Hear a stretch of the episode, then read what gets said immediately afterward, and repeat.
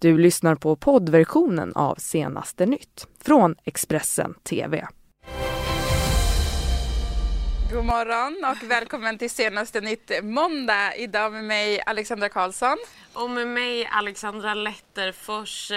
Det här är våra toppnyheter just nu. Dubbla explosioner i Malmö. Senaste skedde i natt. Man ihjälskjuten i södra Stockholm. Och flera olyckor efter snökaos och halka. Mm, vi börjar alltså i Malmö för en kraftig explosion inträffade i Rosengård i Malmö eh, vid tretiden här i natt. Detonationen den skedde i ett trapphus, eh, eller i trapphuset ska jag säga, i ett flerfamiljshus och två lägenhetsdörrar har skadats av tryckvågen. Räddningstjänsten eh, på plats säger att man tror att någon form av sprängladdning då varit i trapphuset. Explosionen är den andra i Malmö på bara några timmar. Vid halv tio i söndags kväll så larmades polis och räddningstjänst till Gullviksborgsområdet i södra Malmö. Även då hade något detonerat i ett trapphus och trapphusets entré ska ha skadats. Inga personer ska dock ha skadats i samband med någon av de här två händelserna. Mm, och eh, den här explosionen, senaste då, det är bara en i raden av de dåd som drabbat Malmö den senaste tiden. Vår reporter David Karlsson rapporterar så här från plats. Det var precis här intill mig som eh, en explosion ägde rum under söndagskvällen eh, i området kring Hermosdal i Malmö. Eh, det var flera personer som larmade in till polisen om att de hörde en hög smäll Eh, vilket då fick eh, polisen att rycka ut till plats och eh, väl där så man spärrade, av, spärrade man av platsen under kvällen och ehm, inledde en utredning om vad som faktiskt hade hänt och började säkra av området på Eh, materiella skador som uppstått av den här detonationen. Eh, och om man tänker på just området vi befinner oss i kring Hermodsdal så är det ett just väldigt våldsdrabbat område den senaste tiden. Eh, för bara några dagar sedan så ägde en misstänkt skottlossning rum bara några hundratal meter härifrån eh, där personen rapporterade att de eh, dels hörde skott men också att de faktiskt såg en person bli skjuten i, i bröstet och i benet enligt vittnesuppgifter från platsen. Eh, och i, kring det här bostadsområdet som vi nu befinner oss vid så var det bara några veckor sedan som en annan explosion ägde rum. Eh, och polisen vill ännu inte bekräfta om det var i just samma trappuppgång eh, Eh, som på söndagskvällen eller om det var den bredvid. Eh, men jag har pratat med flera personer som bor här i närheten och många uttrycker just eh, stor oro kring de här händelserna. En man kom precis gående hem från jobbet när han såg det första han möttes av var polisavspärrningarna på platsen kring hans bostad och han sa då till mig att han blev väldigt orolig över att något allvarligt hade hänt såklart innan han fick gå in till sin lägenhet till slut.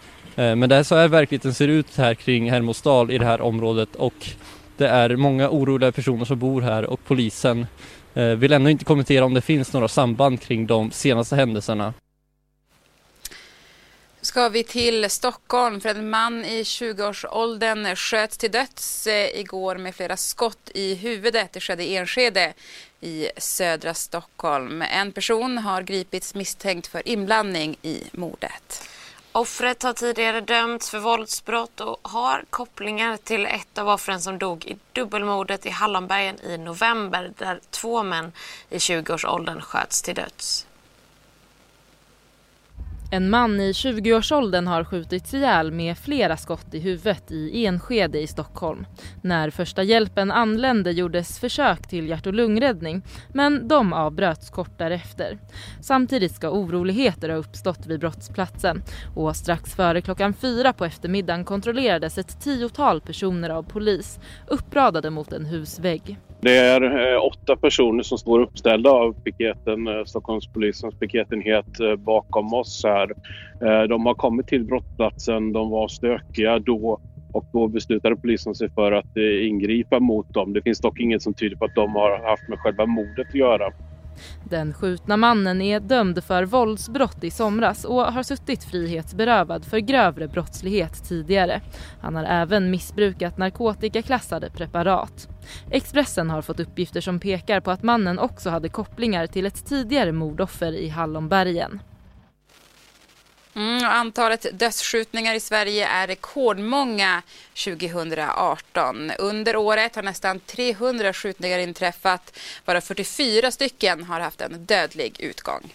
Ja, och rikspolischefen Anders Thornberg, han tror inte att det kommer bli bättre 2019. Det sa han i gårdagens SVT Agenda. Jag tror att det kan bli ett liknande år som eh, vi har sett i 2018. Eh, det här är inget problem vi kan lösa på någon kort sikt. Vi gör allt vad vi kan varenda dag och vi har också, som jag sa, lämnat in en skrivning till regeringen med förslag på vad man ska kunna göra mer i samhället. Det är bråttom att få till det här, men det kommer ta tid. Och det, risken är ju att tredje man drabbas. Det har hänt också. Och även mina anställda i polisen är väldigt utsatta. Jag är bekymrad över de miljöerna som de tvingas vistas men li i. lika illa som 2017-2018? Jag tror att vi kommer se ett liknande år, men det vet jag inte säkert. Jag hoppas verkligen inte det, men eh, så är, så är läget just nu. Så kan vi berätta att antalet polisanmälningar om koppleri och människohandel för sexuella ändamål är rekordmånga. Det här rapporterar Ekot i Sveriges, Sveriges Radio.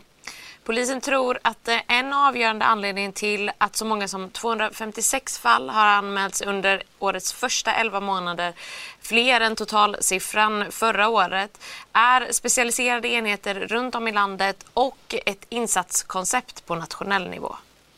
Så ska vi byta ämne och nu ska det handla om vädret. För SMHI de har utfärdat en snövarning för södra Norrlandskusten. Runt eh, 5 till 8 centimeter snö väntas falla i området här eh, då under natten och även morgonen här. Götaland och Svealand kan också få lokala snöbyar men främst blir vädret molndominerat med chans till uppluckring. Det är fortsatt också kall luft som dominerar och vintertemperaturer råder i hela landet. Ja, Götaland får minus 3 och plus 1 grader. Svealand får mellan 0 till 5 minusgrader. Och I Norrland blir det runt minus 10 även mitt på dagen och lokalt kan det sjunka till så mycket som minus 20 enligt SMHI. SMHI eh, uppmanar också trafikanter att ta det lugnt på vägarna i de här snödrabbade områdena för det har ju varit flera olyckor runt om på vägarna i Sverige. Under söndagskvällen så körde en buss av vägen på riksväg 35 mellan Linköping och Åtvidaberg bland annat. Mer om det här trafikläget kan ni läsa på Expressen.se så ska det handla om regeringsbildningen. För efter att Stefan Löfven röstades ner i statsministeromröstningen i fredags så väntar vi nu alla på talmannen Andreas Norléns nästa steg. Under helgen har talmannen haft informella samtal med partiledarna och igår söndags så gästade även han SVT Agenda och sa så här om hur han vill ta processen vidare. Min ambition är att eh, frågan ska kunna lösas i omgång tre. Nu har vi haft två omröstningar där man i princip har kunnat säga på förhand att de kommer att misslyckas. Syftet där har ju varit att avsluta en delprocess och att föra processen formellt framåt, den övergripande processen. Nu skulle jag gärna se att den tredje omröstningen faktiskt skedde om en kandidat som hade förutsättningar att bli vald. Eh, och att vi därmed undviker en fjärde omröstning som ju skulle bli otroligt laddad och dramatisk för då står vi ju så att säga vid avgrunden eller i vart fall inför ett extraval. Så lät det från talman Andreas Norlén och Stefan Löfven som ju förlorade sin andra statsministeromröstning i fredags. Han jultalade under söndagen i Avesta. Ja, efteråt så sa han till vår reporter Elin Jönsson att eh, han har haft informella samtal med talmannen och att han hoppas på fortsatta kontakter mellan partierna. Stefan Löfven och Annie Lööf uppfattar det som att S och M vägrar tolerera varandra. Är du intresserad av att tala med dem för att hitta en ny regering?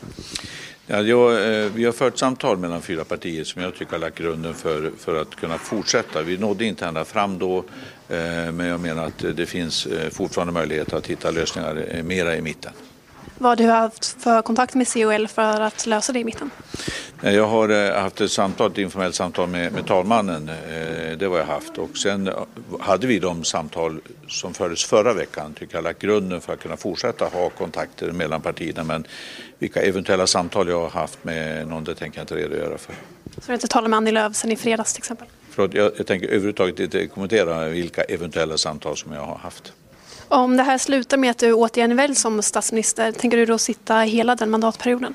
Varför skulle jag inte göra något annat? Varför skulle jag göra något annat? Det är klart, om man vill bli statsminister så ska man sitta en hel mandatperiod, ja. Eh, och vissa röster inom S argumenterar att det vore bättre för S att gå i opposition istället för att ompositionera sig för att göra C och L nöjda. Vad säger du om den interna kritiken? Ja, det är ingen kritik utan det är säkert de som tycker det men det finns faktiskt en risk med att inte eh, också bilda regering. Det, det är någon annan då som ska bilda regering och då har vi en uppenbar risk att du har en högerregering eh, som har varit den mest konservativa som Sverige har haft sedan demokratins genombrott. Eh, som är direkt beroende dessutom av Sverigedemokraterna och att det skulle vara något eh, bra alternativ det kan inte jag se. Hur bedömer du sannolikheten för ett extraval? Det, det, är svårt att säga, det, men jag menar att vi har möjlighet att, att undvika. Jag tycker vi ska göra allt för att undvika det. Jag är inte rädd för extraval, men vi ska göra allt för att undvika det. Väljarna förväntar sig faktiskt att vi klarar av att hantera ett valresultat. Nu ska vi gå till väljarna och be om ett nytt valresultat. Det är inte säkert att det skiljer sig så väsentligt från det förra dessutom. Och då är vi där igen. Så att nej, vi ska anstränga oss väldigt mycket för att undvika extraval ska vi byta ämne och det ska handla om Musikhjälpen. För på söndagskvällen så släpptes ju Musikhjälpens programledare Daniel Adams-Ray, Farah Abadi och William Spets ut ur glasburen i Lund till publikens jubel.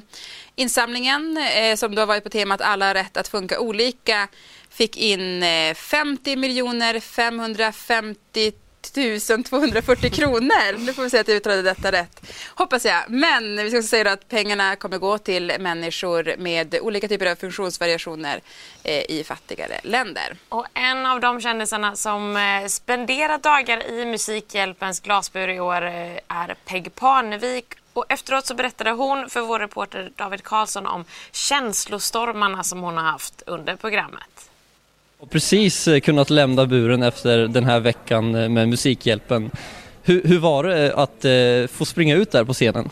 Det var helt fantastiskt att få verkligen möta hela publiken på Kärlekens torg och bara känna att vi hade, vi hade gjort det.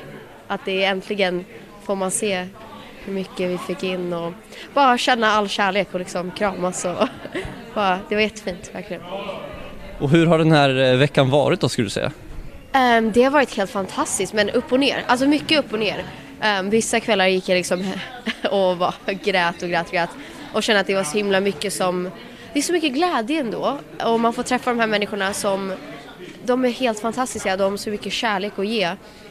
Men det är ändå, det är så tungt ibland um, och så går man runt och bär på det men verkligen en av de bästa veckorna i mitt liv och jag kommer aldrig glömma det här. Jag kommer ta med mig det här och allt jag lärt mig um, och allt jag fått dela med alla de här människorna och hela Sverige. Så att jag, det, jag kommer inte glömma det, aldrig i livet.